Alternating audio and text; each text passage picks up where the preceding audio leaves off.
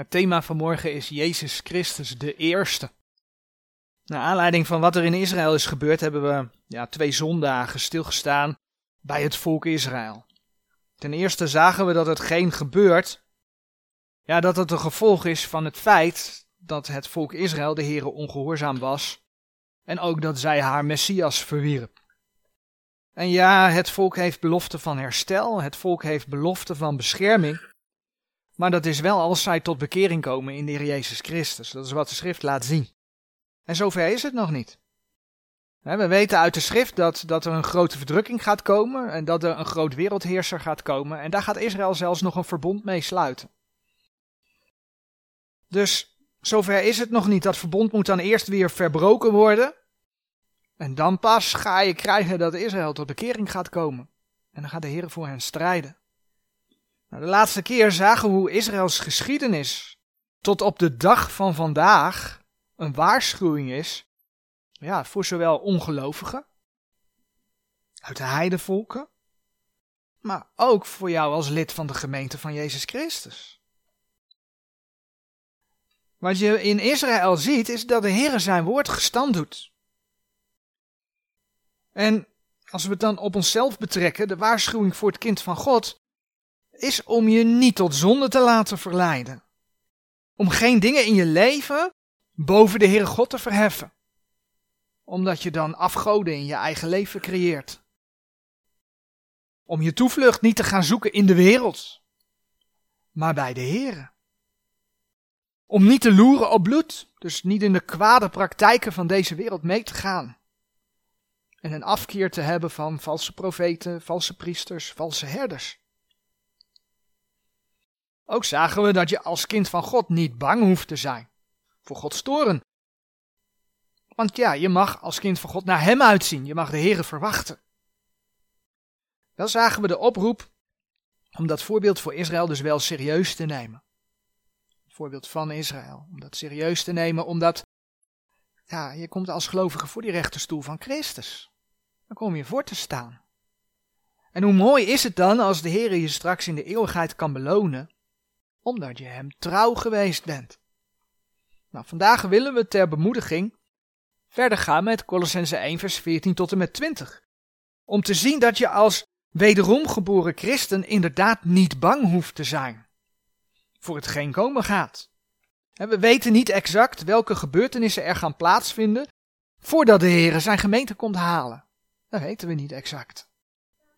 En als je op dit moment alle ontwikkelingen ziet en daarover nadenkt, dan kan je dat onrustig maken. Afgelopen week zag ik nog een berichtje dat er in de stemwijzer nu zit verwerkt dat men wil dat zondagsschool en categorisatie van de kerken onder staatstoezicht komen te staan. En de partijen die dat hebben aangegeven in de stemwijze als hun standpunt, als je gaat zien wie dat zijn, heeft dat op dit moment, en waarschijnlijk ook na de verkiezingen werd er al gezegd, een meerderheid in de Kamer. Nou, er werd ook al gezegd, het is een stemwijzer, is, is niet dat dat nu per definitie zo gaat worden. Maar je ziet waar deze wereld onderweg is. Ja, men wil dus onze kinderen via de zondagsschool, en dan heb je het over de kerk, willen ze een staatsopvoeding geven. En enige tijd geleden mocht je dat ook niet roepen natuurlijk. Hè? Dat in China had je al een app, daar kon je bonuspunten krijgen als je precies deed wat de staat zegt en je kreeg strafpunten als je iets deed wat de staat niet wil. Dus zou je daar een Bijbel kopen, dan zou je strafpunten krijgen. En nou, heb je genoeg strafpunten, dan kom je de deur van je huis niet meer uit.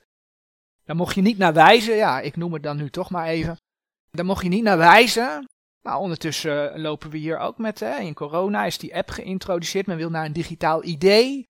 Men wil één centraal banksysteem. Nou, als je over al die dingen nadenkt, de overheid die invloed op de kerken wil hebben, oh, dan kun je onrustig worden. Kun je onrustig worden. En dat is dus niet de bedoeling.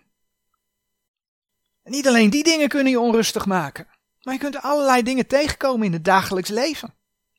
Je gezondheid. Dingen op het werk. Dingen op school. Dingen waar je mee geconfronteerd wordt.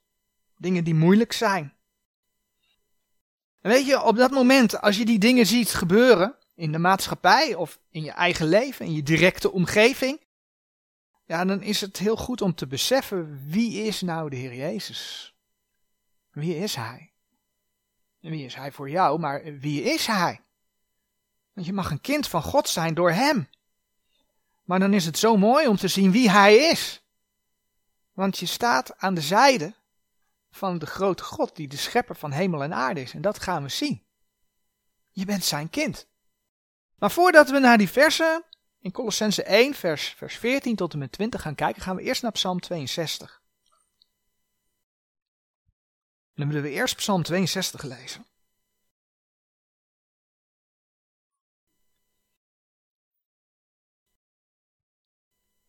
Die psalm heeft de titel gekregen, dat is niet Gods woord, hè, die titel. Die is er door het Bijbelgenootschap ingeplaatst. Maar het is wel een hele toepasselijke titel in dit geval. Rust in God. Een psalm van David voor de opperzangmeester over J. Duten. Immers is mijn ziel stil tot God, van hem is mijn heil. Immers is hij mijn rotsteen en mijn heil, mijn hoog vertrek, ik zal niet grotelijk wankelen. Hoe lang zult gij lieden kwaad aanstichten tegen een man? Gij alle zult gedood worden. Gij zult zijn als een ingebogen wand, een aangestoten muur. Zij raadslagen slechts om hem van zijn hoogheid te verstoten. Zij hebben behagen in leugen, met hun mond zegenen zij, maar met hun binnenste vloeken zij. Sela.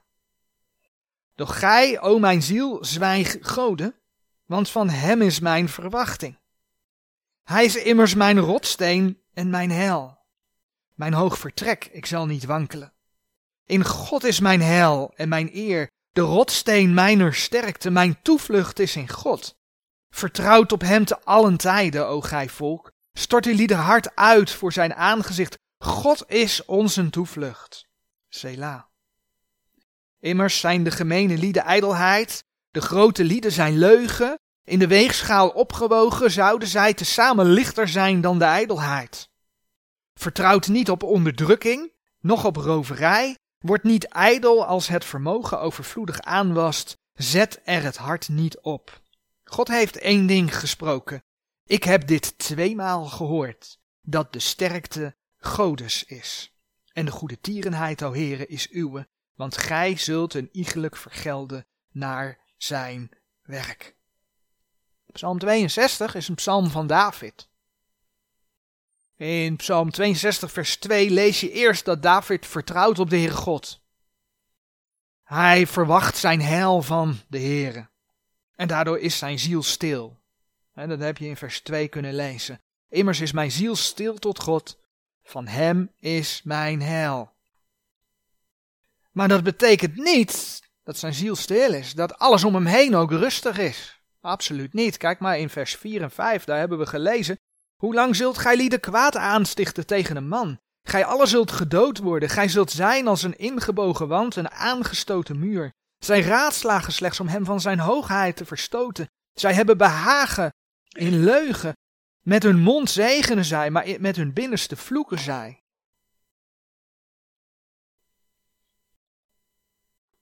Naar aanleiding van welke gebeurtenissen deze psalm geschreven is, dat is niet bekend. Maar ja, als we naar het leven van David kijken, dan weten we dat er verschillende momenten zijn dat hij met tegenslag te maken had, dat hij met vijanden te maken had. Hij was diverse malen op de vlucht voor Saul. Hij was op een gegeven moment op de vlucht voor zijn eigen zoon, voor Absalom. Om enkele voorbeelden te noemen. En dan lees je dus dat zijn vijanden probeerden kwaad te stichten door middel van leugen. Door middel van leugen. Nou, dat is wat we in die versen lezen. Dan lees je zelfs dat gewone mensen zijn ijdelheid. De grote lieden, de leiders, de zogenaamde belangrijke mensen, mensen met een titel, zijn leugen. Dat hebben we in vers 10 gelezen, die zijn leugen, staat er dan. En vorige week zagen we dat de schrift dan zegt, en het volk heeft het gaarne al zo. Het volk heeft het graag zo. Dat is vandaag de dag niet anders. Maar wat laat dat zien? Dat laat zien ja, dat je door op mensen te vertrouwen dat je bedrogen uitkomt. En dat hebben we vorige week ook gezien. Nou, vaak als mensen rijk zijn, dan willen ze meer. En wat gaat er dan gebeuren als dat mensen zijn die wat te zeggen hebben, dan gaan ze gewone mensen onderdrukken en roven. Nou, dat is wat we vandaag de dag in de politiek zien gebeuren. door middel van leugen en uitbuiting willen de hoge heren van het politieke toneel een nieuwe wereldorde oprichten.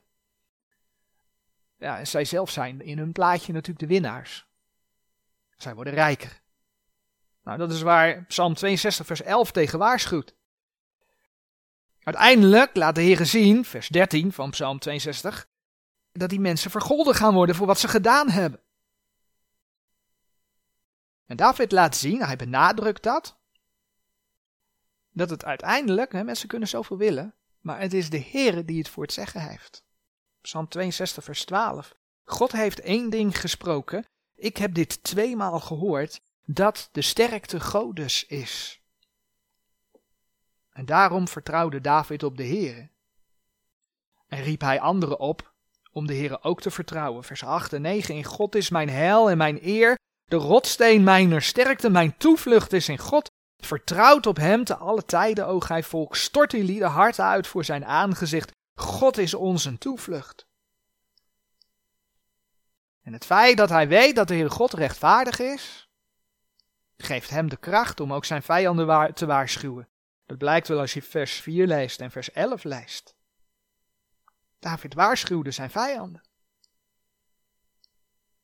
Nou, als je weet dat veel psalmen profetisch zijn, dat ze gaan over het komende koninkrijk van de Messias, dat ze gaan over de periode die daaraan vooraf gaat. Het komende koninkrijk, het duizendjarig vrederijk, de periode die daaraan vooraf gaat is de grote verdrukking. De tijd van Jacobs benauwdheid. Dan besef je dat ook die Psalm 62 daarnaar verwijst. Profetisch. Ga ik vanmorgen niet helemaal uitwerken, maar als je het vergelijkt met bijvoorbeeld Psalm 58, Matthäus 25, vers 31, Openbaring 14, vers 20, Openbaring 19, vers 13 en 15, dan zie je daar de parallellen in. En wat lees je dan in deze psalm? Dan lees je in deze psalm over iemand in die tijd, in die grote verdrukking, die de Heer trouw is. Een Jood die de Messias heeft aangenomen en op verlossing van de antichrist verwacht. Niet verlossing in de zin dat hij door de antichrist verlost wordt, maar dat hij ervan verlost wordt, hè? dat er afgerekend wordt met die antichrist. Nou, een thema wat je daarin tegenkomt, wat inderdaad bij die tijd past, is het verschil tussen arm en rijk. Dat zie je in de schrift op verschillende plekken terugkomen. Degenen die namelijk het merkteken van het beest zullen aannemen, die zullen kunnen kopen en verkopen. Dat zijn de rijken in de grote verdrukking. Die hebben geld, kunnen alles doen wat hun hartje begeert, tot op zekere hoogte. Want er gaan natuurlijk vreselijke dingen gebeuren in die tijd. Maar als het om geld gaat, zijn zij de rijken. Nou, ze kunnen kopen of verkopen. Hè? Openbaring 13, vers 16 en 17 laat zien dat het merkteken van het beest dat mogelijk maakt. Maar zij die dat merkteken van het beest niet hebben, die dat weigeren, die zullen arm zijn, die zullen onderdrukt worden. Dat is wat er in die tijd gaat gebeuren. Nou, in deze tijd zien we daar een voorvervulling van. Hè? Overheden die een plan uitwerken, die ze niet ronduit met de bevolking gedeeld hebben, die over hen heersen en die ondertussen een merkteken aan het voorbereiden zijn. Hè. In corona is het QR-teken ingevoerd. QR-code wordt natuurlijk ook voor allerlei handige dingen gebruikt, want het is heel handig voor jullie mensen. Maar ondertussen zijn ze bezig om iets te ontwikkelen wat je in de huid kunt plaatsen. Overheden bereiden dat voor. Maar deze gelovige in Psalm 62 weet dat de sterkte van de Heer is. Dat hebben we in vers 12 gezien. God heeft één ding gesproken, ik heb dit tweemaal gehoord, dat de sterkte Godes is. En dat geeft dan rust, hè? vers 2. Immers is mijn ziel stil tot God, van hem is mijn heil.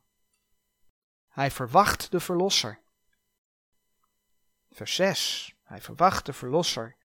Doch gij, o mijn ziel, zwijg Gode, want van hem is mijn verwachting. In vers 3, vers 7 en vers 8 van Psalm 62, daar lees je dat David zegt dat de Heere zijn rotsteen is. Hij is mijn rotssteen. Dus God openbaarde zichzelf in het Oude Testament als de rots. Hij openbaarde zich ook, kom je ook in die psalm tegen, als een hoog vertrek.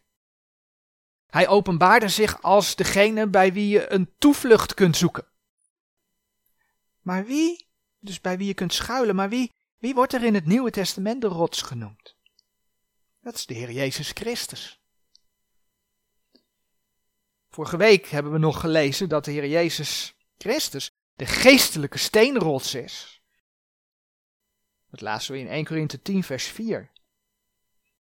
En ja, enerzijds is hij de rots, en let op, de rots der ergernis. Hij is de rots der ergernis voor degene die zich aan het woord stoten. Als je dat wil opzoeken, dan kun je dat vinden in 1 Petrus 2, vers 7 en 8. Maar anderzijds is hij die geestelijke steenrots die een geestelijke drank te drinken gaf. Zo sprak de Heer Jezus over het levende water. Als mensen dat van hem zouden nemen, dat ze eeuwig leven zouden krijgen, kun je onder andere vinden in Johannes 4, vers 14. Nou, als je de Heer Jezus in deze gemeentetijd als je persoonlijke verlosser hebt aangenomen, dan ben je een kind van God. Dan mag je weten dat je niet door die tijd van Gods toren heen gaat, omdat de Heer zijn gemeente gaat thuishalen. Dat gaat komen. Dus je mag hem verwachten, je mag naar hem uitzien. En dan laat de schrift zien dat hij je wil voeden en dat hij voor je wil zorgen. Nou, en dan is het mooi, en dan bladeren we naar Colossense 1, vers 14 tot en met 20, om die versen te lezen. En te zien wat die versen zeggen over de Heer Jezus Christus.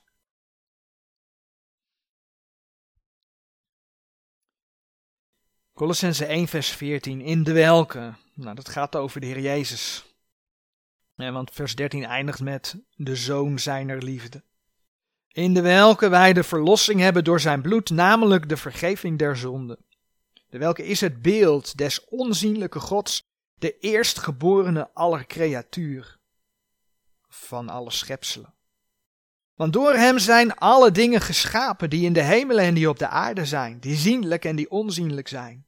Het zij tronen, het zij heerschappijen, het zij overheden, het zij machten. Alle dingen zijn door hem en tot hem geschapen.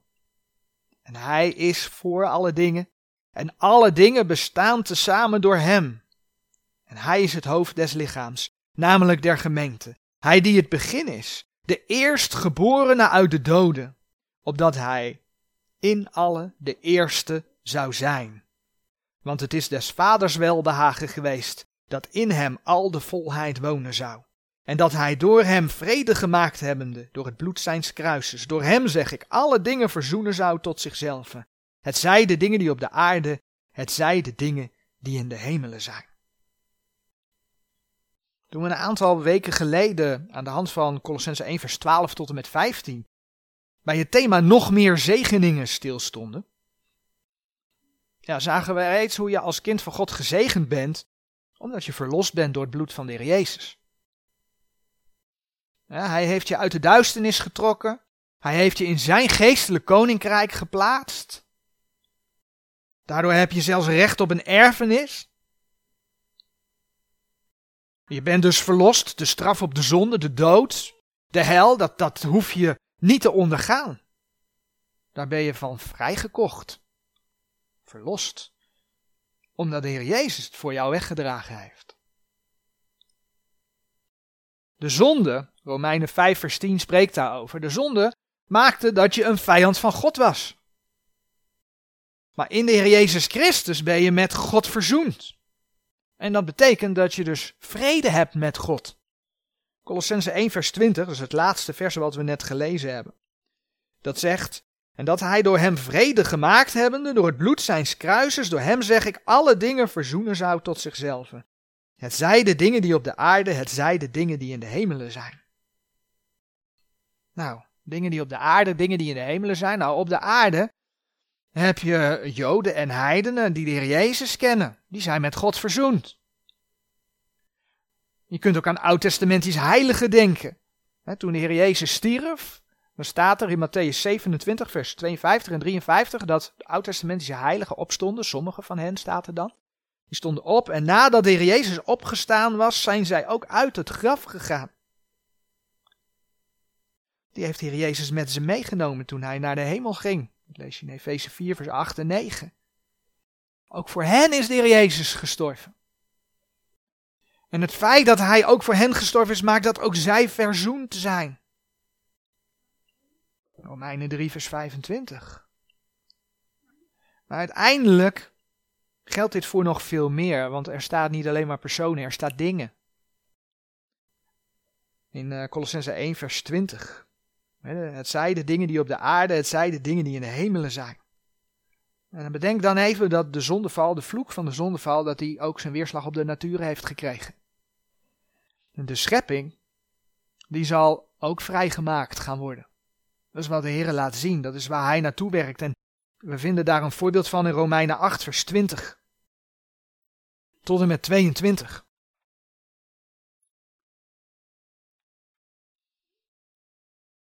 Op hopen dat ook het schepsel zelf zal vrijgemaakt worden van de dienstbaarheid der verderfenis, tot de vrijheid der heerlijkheid der kinderen Gods. Want wij weten dat het ganse schepsel tezamen zucht en tezamen als in barensnood is tot nu toe.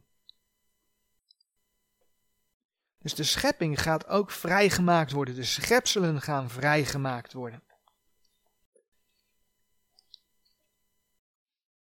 Nou, als je dan bijvoorbeeld in Jesaja 11, vers 6 tot en met 9 kijkt, dan zie je dat dat zelfs in de profeten aangekondigd is.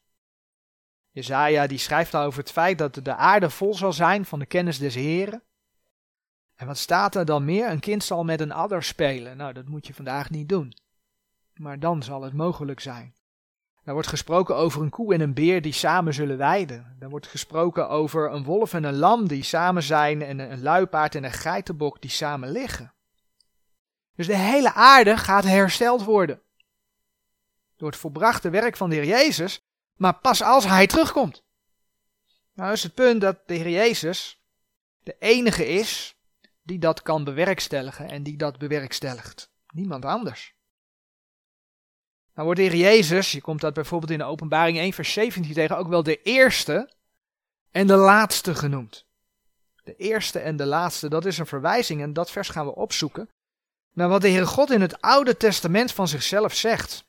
In Jesaja 44, vers 6. Jesaja 44, vers 6. En ik vind dat wel een mooie. Want het zegt eigenlijk alleen maar dat er buiten hem niemand is. Als God zijnde. Jezaja 44 vers 6 zegt, zo zegt de Heere de koning Israëls en zijn verlosser, de Heere de Heerscharen, ik ben de eerste en ik ben de laatste. En behalve mij is er geen God. Maar je hebt het gewoon met hem te doen. Nee, ik ben de eerste en ik ben de laatste. Behalve mij is er geen God.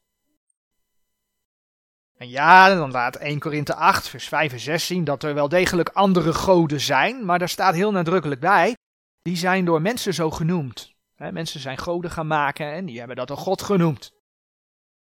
Maar zegt 1 Korinthe 8 vers 5 en 6 dan, maar er is maar één schepper van hemel en aarde die alles gemaakt heeft. Hij is de eerste, maar hij is ook de laatste. Nou, er is er maar één die mensen redden wil. Dat is Jezus Christus. Jezus Christus die God is. En hem heb je als mens nodig. Ik noemde de tekst vanmorgen ook al even. De Heer Jezus die sprak dat Hij de weg, de waarheid en het leven is, Johannes 14, vers 6. En niemand komt tot de Vader dan door Hem. Dus je hebt Hem nodig. Dus je kunt vrede hebben met de Heer God door de Heer Jezus Christus. Alleen door de Heer Jezus Christus. En hoe mooi is het dan? Als Hij dat kan geven, Hij dat wil geven, Hij dat aanbiedt, dat je kunt zeggen als kind van God, ik heb dat gevonden. Ik heb Hem gevonden. Ik ben veilig bij Hem, wat er ook gebeurt. Ik ben veilig bij Hem. Dat je dat kunt zeggen. Hoe mooi is dat? En dat is die vrede met God, vrede voor je ziel. Nou, dat de Heer Jezus Christus God is, blijkt ook uit Colossense 1 vers 15. Waar we lezen. De welke is het beeld des onzienlijke Gods, de eerstgeborene aller creatuur. De welke is het beeld des onzienlijke Gods, het beeld van de onzienlijke God. Nou, God is onzienlijk, God de Vader kun je niet zien. Maar Jezus Christus is het beeld van die God die niet te zien is. En dat beeld wil dus zeggen dat je door hem God kunt zien. Nou is de Heer Jezus momenteel niet fysiek op aarde aanwezig. Maar de apostelen hebben hem bijvoorbeeld gezien. Zij hebben gezien wie God de Vader is. Kijk wat de Heer Jezus bijvoorbeeld in Johannes 14, vers 9 tegen Filippus zei. En vaak wordt dat vergeestelijkt, en dat mag ook. Want door de Heer Jezus Christus leer je ook de eigenschappen van God kennen, wie God is. Maar, doordat ze de Heer Jezus zagen, zagen ze ook wie God is. Omdat Hij het beeld is. Johannes 14, vers 9 zegt, Jezus zeide tot hem, ben ik zo lange tijd bij jullie en hebt gij mij niet gekend, Filippus? Die mij gezien heeft, die heeft de Vader gezien. En hoe zegt gij, toon ons de Vader? Nou, als je dat nog niet kunt zien, omdat er vaak verteld wordt dat het over het karakter van de Heer Jezus en het karakter van God gaat, dan moet je Hebreeën 1 vers 3 opzoeken. Want dan komt dat ook nog naar voren. De tekst komt straks ook nog weer terug. Maar laat ik het toch even lezen. In Hebreeën 3, daar staat 1 vers 3. De welke, alzo hij is het afschijnsel zijner heerlijkheid, gaat dus over Jezus Christus, en het uitgedrukte beeld zijner zelfstandigheid. Hij is het uitgedrukte beeld. Als je een vormpje hebt en je drukt dat in deeg, dan zie je dus aan die vorm, zie je wat het is. Herken je het wat het is. En je kunt dat ook heel mooi voorstellen, daarom heb ik ook die afbeelding van geest, ziel en lichaam erbij gedaan.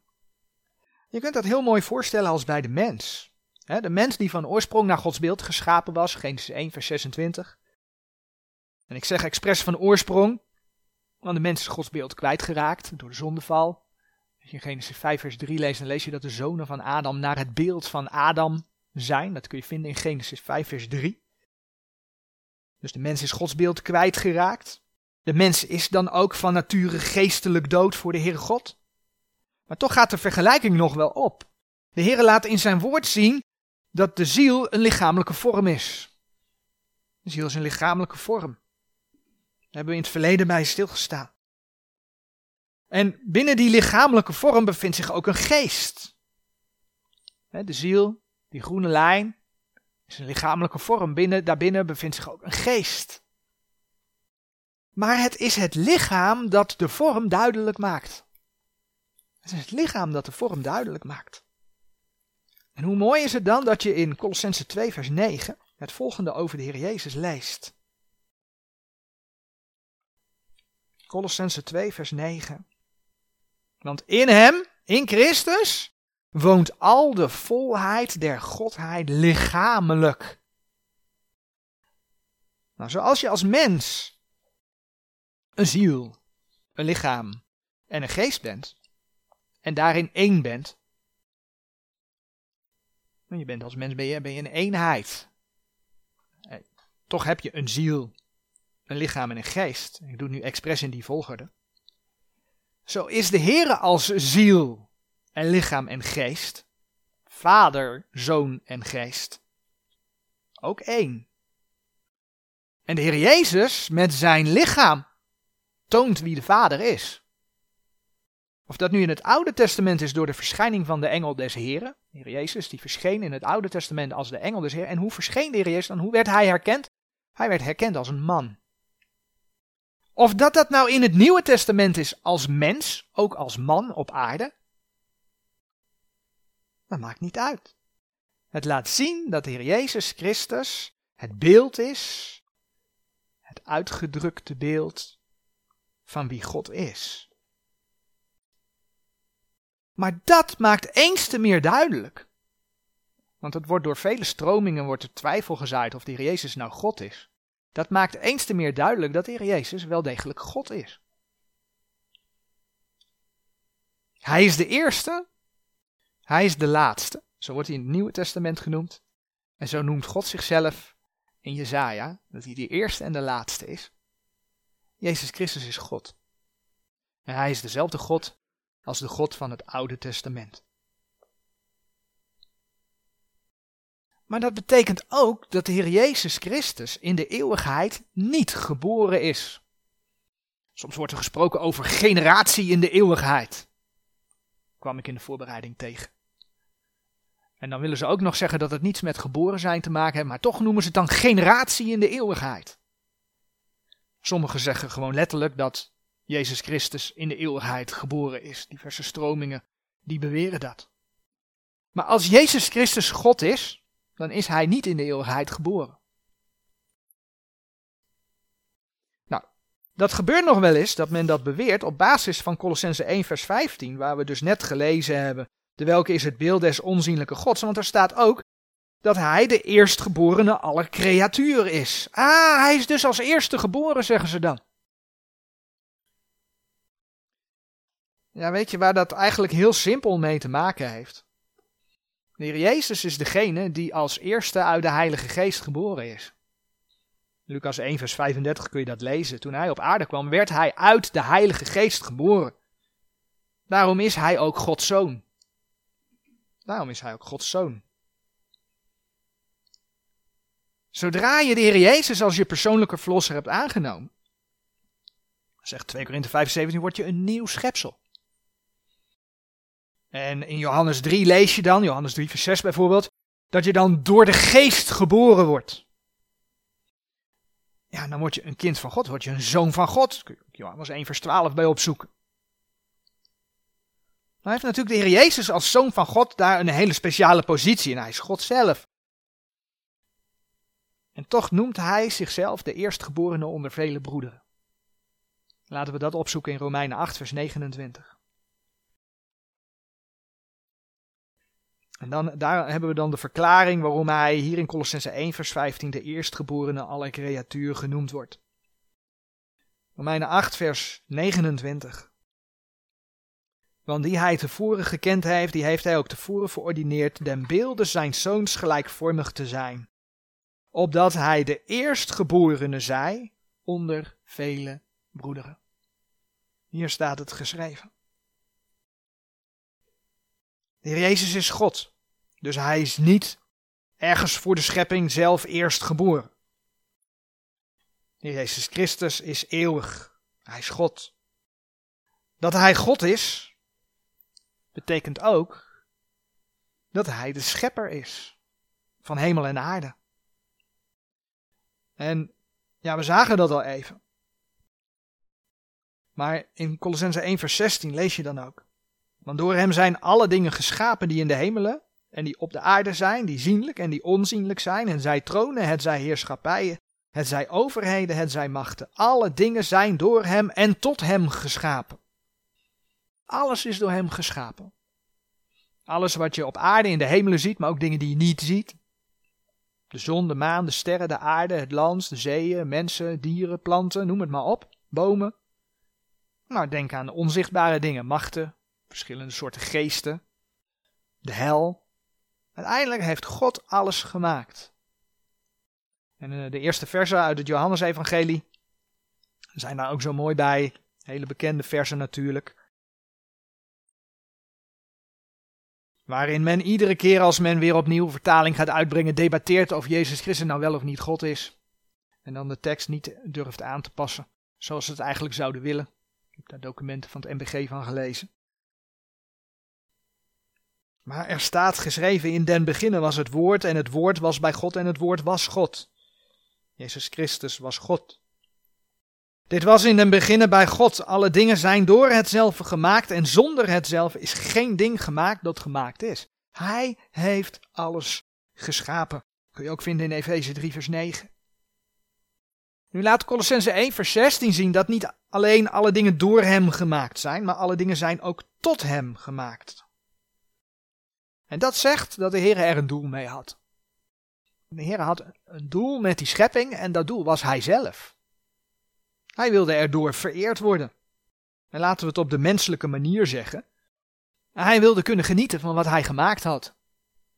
Als je als mens iets maakt, dan doe je dat vaak omdat je daar ook van wil genieten. Dat je dat mooi vindt. Nou, God heeft iets moois gemaakt en hij wilde daarvan kunnen genieten. Laten we naar Psalm 104 bladeren, een psalm over de schepping.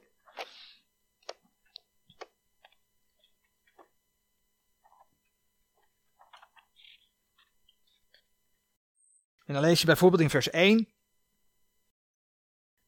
Loof de Heere mijn ziel. O Heere mijn God, gij zijt zeer groot, gij zijt bekleed met majesteit en heerlijkheid. Nou, en dan lees je die psalm door, gaat het over het licht, en noem het maar op. Alles wat God geschapen heeft. En lees je in vers 30 en 31 van psalm 104. Zend gij uw geest uit, zo worden zij geschapen, en gij vernieuwt het gelaat des aardrijks. De heerlijkheid des Heren zij tot in de eeuwigheid. De Heere verblijde zich in zijn werken. Zie je dat? De Heere wil zich verblijden in datgene wat hij gemaakt heeft. Nou, en dan moet je dus voorstellen hoe die schepping er nu aan toe is. Hoe groot de ongerechtigheid vandaag de dag is. Oorzaak ligt natuurlijk in de zondeval. In het verwerpen van Gods oplossing voor de zonde, zijn zoon Jezus Christus. Hij wordt door mensen verworpen. De leugen regeert. Omdat mensen niet willen luisteren. Ja, omdat ze zichzelf willen redden, omdat ze zelf graag de eerste willen zijn en mensen willen belangrijk gevonden worden, ontkennen ze de Heere God en zijn Zoon. En zijn ze schepselen gaan vereren. En ja, mooie teksten die daarover gaan vind je in Romeinen 1. Romeinen 1, vers 21 tot en met 23. Mensen zijn uiteindelijk daardoor ook het werk van hun eigen handen gaan vereren. Romeinen 1, vers 21. Omdat zij God kennende hem als God niet hebben verheerlijkt of gedankt, maar zijn verijdeld geworden in hun overleggingen en hun onverstandig hart is verduisterd geworden. Zich uitgevende voor wijze zijn zij dwaas geworden. En hebben de heerlijkheid des onverderfelijke Gods veranderd in de gelijkenis eens beelds. Van een verderfelijk mens en van gevogelte en van viervoetige en kruipende gedierte. Alle onreinheid en ongerechtigheid op deze wereld is daaruit te verklaren. Als je de versen verder leest in Romeinen 1, dan zie je dat. Ja, en die gaat, totdat de Jezus terugkomt, alleen maar toenemen. En daar gaat dan Gods oordeel over komen. Dat blijkt ook uit Romeinen 2, vers 2. Dat loopt eigenlijk gewoon aan één stuk door. Als je dat leest in Romeinen 2, en dan kom je alle ongerechtigheid die de Heer opsomt, waar de mensen aan overgegeven zijn. En dan lees je in Romeinen 2, vers 2. En wij weten dat het oordeel Gods naar waarheid is over degene die zulke dingen doen. Dus Gods oordeel gaat daarover komen. Maar dan weet je dus dat de gaat afrekenen met het kwaad. Het is niet voor niets. Ik had het net over dat mensen graag de eerste willen zijn. Nou, de Heer Jezus sprak toen hij op aarde kwam dat vele eerste zullen de laatste zijn. Dat is wat de Heer laat zien. De Heer vraagt ook om nederig te zijn. Hoogmoed, daar waarschuwt de Heer tegen. Dat heeft daar ook mee te maken. Dus om weer te kunnen genieten van zijn schepping, lees je in Psalm 104, waar dat mee afsluit. Psalm 104, vers 35. Psalm 104, vers 35. De zondaars zullen van de aarde verdaan worden, en de goddelozen zullen niet meer zijn. En wat zegt de Heere dan? Loof de Heere mijn ziel. Halleluja. Dat is dus in Gods ogen dat hij gaat afrekenen met datgene, dat de grote verdrukking gaat komen. Daarvan zegt de Heer, loof de Heere mijn ziel. Halleluja. Nou, we hebben gelezen hoe de Heer de schepping gaat herstellen. Eigenlijk, ja, dat effect van de zondeval daarop, dat gaat weg. Hè. Jezaja die spreekt ook over, Jezaja 9 vers 6, dat er een koninkrijk van gerechtigheid zal zijn. Een koninkrijk dat er in eeuwigheid zal zijn. Dat is Jezaja 9 vers 6. Een koninkrijk zonder einde. Nou, vervolgens lees je dan nog in Colossense 1 vers 17. En hij is voor alle dingen en alle dingen bestaan tezamen door hem. Hij is voor alle dingen, de Heer is de eerste. Hij bestond van eeuwigheid. Hij heeft alles geschapen. En hoe heeft hij dat gedaan? Nou, we weten dat hij dat gedaan heeft door te spreken, door zijn woord. En je kunt ook zeggen door het woord. Hè? Jezus Christus het woord genoemd, het woord zelf. Nou, in Genesis 1 lees je, en God zeide.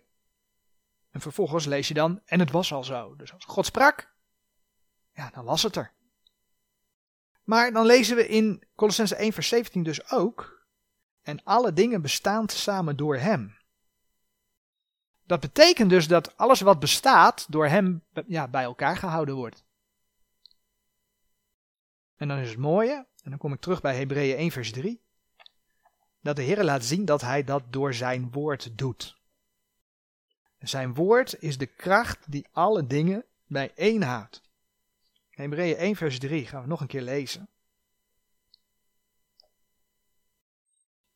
De welke, alzo hij is het afschijnsel zijner heerlijkheid en het uitgedrukte beeld zijner zelfstandigheid, en alle dingen draagt door het woord zijner kracht. Het woord van zijn kracht. Nadat hij de reinigmaking onze zonde door zichzelf teweeggebracht heeft, is gezeten aan de rechterhand der majesteit in de hoogste hemelen. Maar daar staat dus dat hij alle dingen draagt door het woord zijn kracht. Nou, in de natuurkunde leer je dat er overal krachten tussen aanwezig zijn. dat de maan om de aarde draait. En hoe dat gebeurt, dat heeft ook met krachten te maken. Nou, dan mag je op school dan met allerlei formules aan rekenen. Maar zo wordt dus alles tot op het kleinste niveau door kracht bij elkaar gehouden. Ja, dan kunnen ze in de natuurkunde allerlei formules uitvinden, maar wij weten waar die kracht vandaan komt. Wat de oorsprong van die kracht is, dat is de Heer. Het is zijn kracht. Maar zoals de Heer door te spreken schept, zo kan hij door te spreken ook teniet maken. En dit universum, dat dat nog niet vergaan is. Wat dus gaat gebeuren, hè? 2 Petrus 3 vers 10 spreekt daarover, dat de elementen zullen branden. En ja, deze schepping zal vergaan. Omdat het aan de zonde onderhevig is. Dan gaat er een nieuwe hemel en een nieuwe aarde komen waarop gerechtigheid woont. Maar dat dat nog niet gebeurd is. Want ja, dit is eigenlijk niet het moment waarop wij zitten te wachten. Maar het feit dat Gods toren ook nog niet over de aarde gaat, dat dat nog niet gebeurd is. Ja, dat is omdat de Heer nog steeds genade heeft. Want hij wil niet dat enige verloren gaan, maar dat zij alle tot bekering komen. 2 Petrus 3 vers 9. Dus de Heer laat het nog niet toe. Met andere woorden, de Heer heeft het nog niet gesproken. Want hij doet die dingen door te spreken. Maar feit is dat die nieuwe hemel en die nieuwe aarde waarin gerechtigheid woont gaan komen.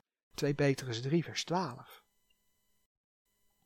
Nou, in Colossense 1 vers 18 lezen we dat de Heer ja, in nog meer dingen de eerste is. Hij is het hoofd des lichaams, namelijk der gemeente, hij die het begin is, de eerstgeborene uit de doden, opdat hij in alle de eerste zou zijn. Hij is het hoofd van de gemeente, hij bestuurt de gemeente. Ja, en dan Efeze 5 gaat erover, wordt vergeleken met huwelijk man en vrouw. Dan wordt er over onderdanigheid gesproken. Nou, de gemeente hoort de heren onderdanig te zijn. Maar dat besturen, dat hoofd zijn, mensen willen dat niet. Dus dan hebben ze een kerkelijk instituut. Want dan willen ze belangrijk zijn en dan hebben ze een paus.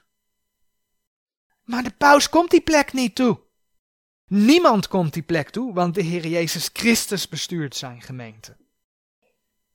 Dat hij het hoofd is, betekent dat hij bovenaan staat. Hij heeft het overzicht. Maar dat geldt ook voor hem binnen zijn schepping. Er ontgaat hem niets. Hij weet wat er gebeurt. En hij laat het vooralsnog toe. Omdat hij het goede met alle mensen nog steeds op het oog heeft. Want hij wil niet dat enige verloren gaan, maar dat zij alle tot bekering komen. Nou, de Heer is niet alleen het hoofd. 1 Korinthe 3 vers 11 spreekt over het feit dat hij ook het fundament is. Maar als je een gebouw gaat bouwen, dan leg je eerst het fundament. En dan komt het gebouw. Dus ook daarin is hij de eerste. Je hebt hem nodig en je moet op hem bouwen. Ja, wil, wil je deel van die gemeente zijn. En dat lees je in Efeze 2, Efeze 2, vers, vers 20 en 21. De gemeente wordt een gebouw genoemd, een geestelijk gebouw. En dan staat er in vers 18, hebben we net gelezen, dat hij de eerstgeborene uit de doden is. Ja, hij is degene die is opgestaan uit de dood. En dan zeg ik er iets bij, en die levend is gebleven. Want ja, je leest in de Bijbel van verschillende mensen die opstonden uit de dood, voordat de Heer Jezus opstond. Denk aan Lazarus. De Heer Jezus liet Lazarus opstaan uit de dood. Maar die mensen zijn niet levend gebleven. Die zijn opnieuw gestorven. En de Heer Jezus Christus niet, hij leeft. En nou is het mooie, dat zijn opstandingskracht, dat lees je onder andere in Efeze 1, vers 17 tot en met 20. Dat die opstandingskracht als kind van God in jou aanwezig is. Met andere woorden, de Heer Jezus was de eerste die opstond uit de dood om levend te blijven. Maar als kind van God ga je volgen. Je gaat volgen. En mooie versen die daarover gaan. Efeze 1 uh, eh, gaan we niet lezen, maar 1 Korinthe zoeken we even op. 1 Korinthe 15, vers 22 en 23. 1 Korinthe 15, vers 22 en 23. Want gelijk zij alle in Adam sterven, alzo zullen zij ook in Christus allen levend gemaakt worden. Maar iegelijk in zijn orde. De eersteling Christus, daarna die van Christus zijn in zijn toekomst. Nou, dan spreekt 1 Thessalonicense 4 vers 13 tot en met 18 over de opname van de gemeente. En dan lees je in vers 16 en 17 dat eerst degenen die in Christus ontslapen zijn, zullen, zullen opstaan. Dat daarna de levend overgeblevenen samen met hen opgenomen worden in de wolken, de Heeren tegemoet. 1 Thessalonicense 4 vers 16 en 17. En uit 1 Korinthe 15 vers 52 weet je dat dat in een ogenblik gaat gebeuren. 1 Thessalonicense 4 geeft de volgorde. Eerst zullen de in Christus ontslapenen opstaan. En dan zullen ze tezamen met de levend overgeblevenen opgenomen worden. 1 Korinthe 15 vers 52 zegt dat dat in een ogenblik gebeurt. Hierin zie je dat de opstanding, in de opstanding, de Heere in alle de eerste zal, zou zijn. Dat is wat Colossense 1 vers 18 zegt.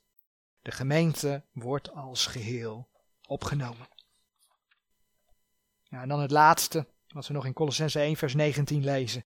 Want het is des vaders welbehagen geweest dat in hem al de volheid wonen zou.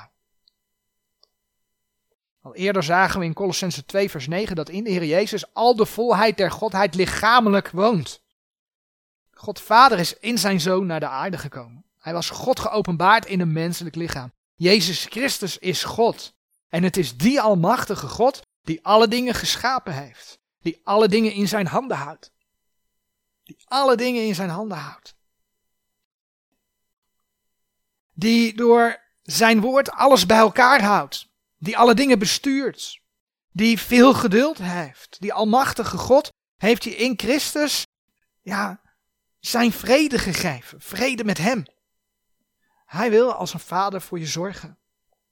Toen Heer Jezus naar de hemel ging, toen zei hij tegen de discipelen in Matthäus 28, vers 20, ik denk dat jullie die tekst wel kennen, en zie, ik ben met jullie al de dagen tot de voleinding der wereld.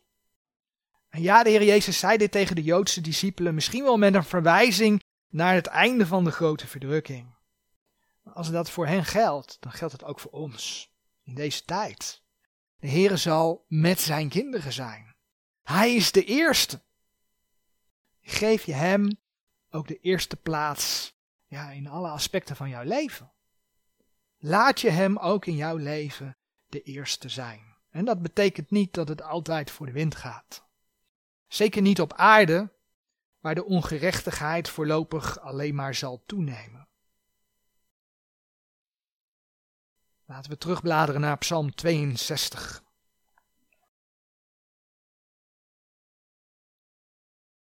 Dus nee, het gaat niet altijd voor de wind. En het is niet allemaal makkelijk. Maar dat betekent wel dat je weet bij wie je mag schuilen. Het betekent wel dat je weet wie jouw rotsteen is. En dat betekent wel dat je weet wie jouw toevlucht is. Dat je weet dat de gerechtigheid zal winnen.